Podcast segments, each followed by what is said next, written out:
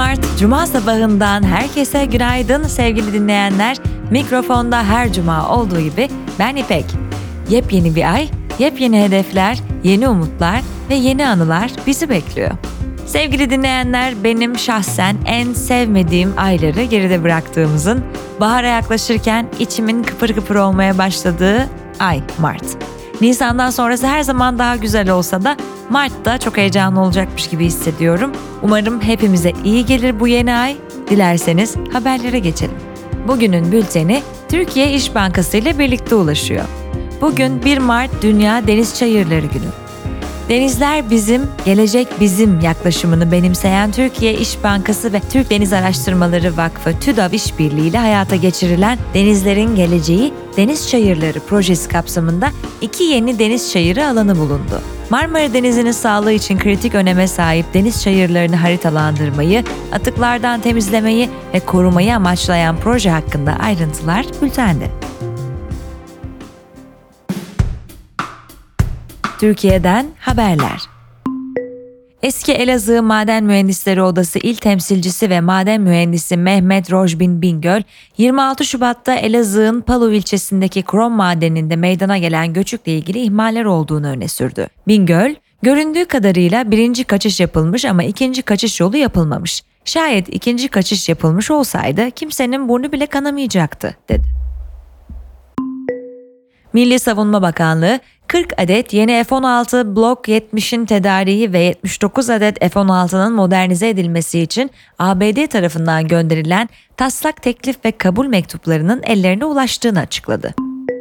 31 Mart 2024 Pazar günü yapılacak mahalli idareler genel seçimleri için vatandaşların nerede oy kullanacağını gösteren seçmen bilgi kağıtlarının dün itibariyle döküm ve dağıtımına başlandı. Seçmen bilgi kağıtlarının dağıtımı 24 Mart pazar günü tamamlanacak. CHP'nin seçim döneminde tarafsız yayın yapmadığı gerekçesiyle TRT önünde yapacağı basın açıklaması CHP Grup Başkan Vekili Gökhan Günaydın'la TRT Genel Müdürü Mehmet Zahit Sobacı'nın görüşmesi sebebiyle iptal edildi. Çorlu tren kazası haberi var sırada.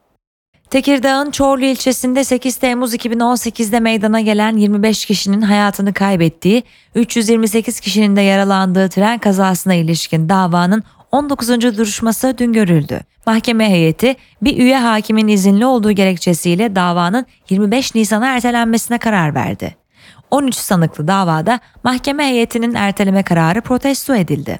Kazada kızını, kardeşlerini ve 6 aylık yeğenini kaybeden Zeliha Bilgin, gerçek sorumlular yargılanmadığı sürece adaletin raylar altından çıkmayacağını söyledi. Sırada dünyadan haberler var. İsrail yerel seçimlerinde resmi olmayan sonuçlara göre ultra-ortodoks partiler ve aşırı sağcı partilerin ilk sonuçlara göre önde olduğu bildirildi. Daha önce iki kez ertelenen salı günkü seçimlerde oy verme hakkı bulunan 7 milyon seçmenden sandığa gidenleri sayısının %50'nin altında kaldığı bildirildi. Azerbaycan ve Ermenistan'ın barış görüşmeleri Almanya'da başladı.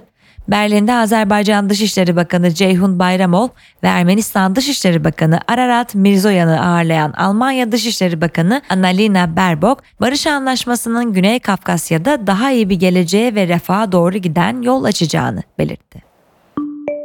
Almanya İlçeler Birliği, ülkede istihdam edilebilir durumdaki tüm sığınmacıların zorunlu olarak çalışması gerektiğini söyledi. Federal hükümete sığınmacılara yardım yasasının değiştirilmesi yönünde çağrı yapan birliğin başkanı Ryan Sager, Almanya'da uzun süre yaşayan herkes çalışmak zorundadır. Toplum ve birçok mülteci bunu istiyor. Mültecilerin sadece hayır işlerinde çalışmalarını değil, özel şirketlerde de çalışmalarına izin verilmeli ifadesini kullandı.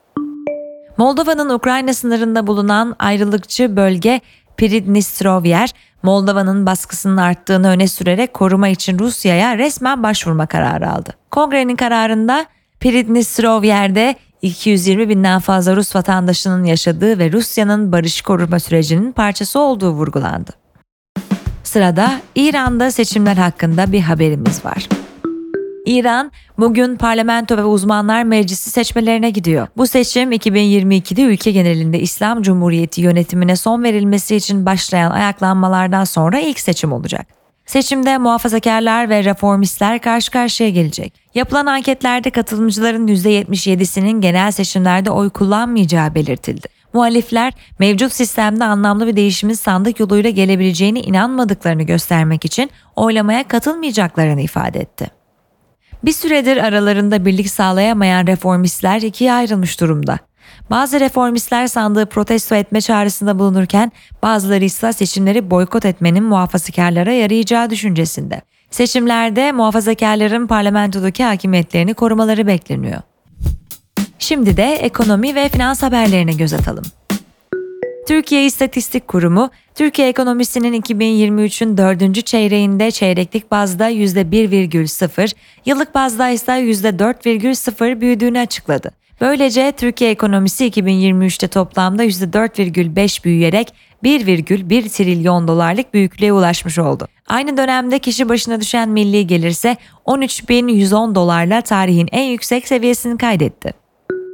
Türkiye İşçi Sendikaları Konfederasyonu, Şubat 2024'te 4 kişilik bir ailenin açlık sınırının 16.253 liraya, yoksulluk sınırının ise 52.954 liraya yükseldiğini açıkladı. Türkiye Cumhuriyet Merkez Bankası toplam rezervleri 23 Şubat'la sona eren haftada 2,4 milyar dolar azalışla 131,7 milyar dolar seviyesine geriledi. Aynı haftada net uluslararası rezervler ise 6 milyar dolar azalışla 22,4 milyar dolar düzeyine indi. Bankacılık Düzenleme ve Denetleme Kurumu, kur korumalı mevduat stokunun 23 Şubat'la sona eren haftada 19,3 azalışla 2 trilyon 323 milyar lira seviyesine gerilediğini duyurdu. İş dünyası ve teknoloji tarafından bazı haberler var sırada. Sahibinden ikinci el araç alım satım platformu Otobid'i duyurdu. İstanbul, Ankara, Bursa ve Antalya'da bulunan 11 noktada hizmet veren Otobid, çevrim içi açık artırma usulüyle çalışıyor. Pasifik Teknoloji, insansız helikopter Alpin'le adını duyuran Titra Teknoloji'nin %51'ini 478,2 milyon lira karşılığında satın aldı. ABD İrlanda merkezli fintech girişimi Stripe, çalışan payları odaklı 1 milyar dolarlık hisse geri alım programını duyurdu. Pandemi döneminde piyasa değeri 95 milyar dolara ulaşan şirketin bu anlaşma sonucunda yeni değerlemesinin 65 milyar dolar olduğu ifade edildi. ABD merkezli haber kuruluşları Intercept, Raw Story ve Alternet'le OpenAI ile Microsoft'ta yapay zeka modellerini eğitirken haberlerinin telif haklarını ihlal ettikleri gerekçesiyle 3 ayrı dava açtı. Aralarında Axel Springer'ın da bulunduğu Avrupa merkezli 32 medya şirketi Google'ın hakim konumunu kötüye kullanması nedeniyle reklam gelirlerinin düştüğü gerekçesiyle dijital reklam devine toplam 2,3 milyar dolarlık tazminat davası açtı. Tumblr ile WordPress'in sahibi Automatic, yapay zeka modellerini eğitmek üzere platformlarında 2014-2023 arasında herkese açık olarak paylaşılmış gönderilerin hakları için OpenAI ve Midjourney ile anlaşmaya vardıklarını açıkladı.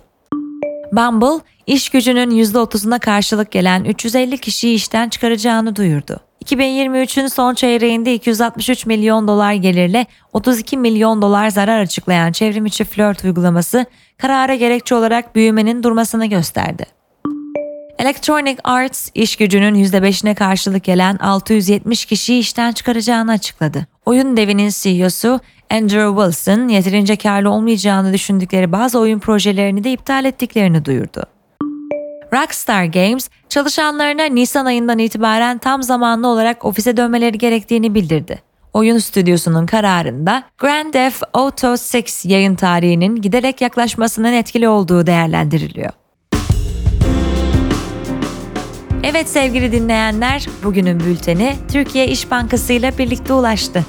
Mikrofonda ben İpek, sizlere şimdiden harika bir hafta sonu diliyorum.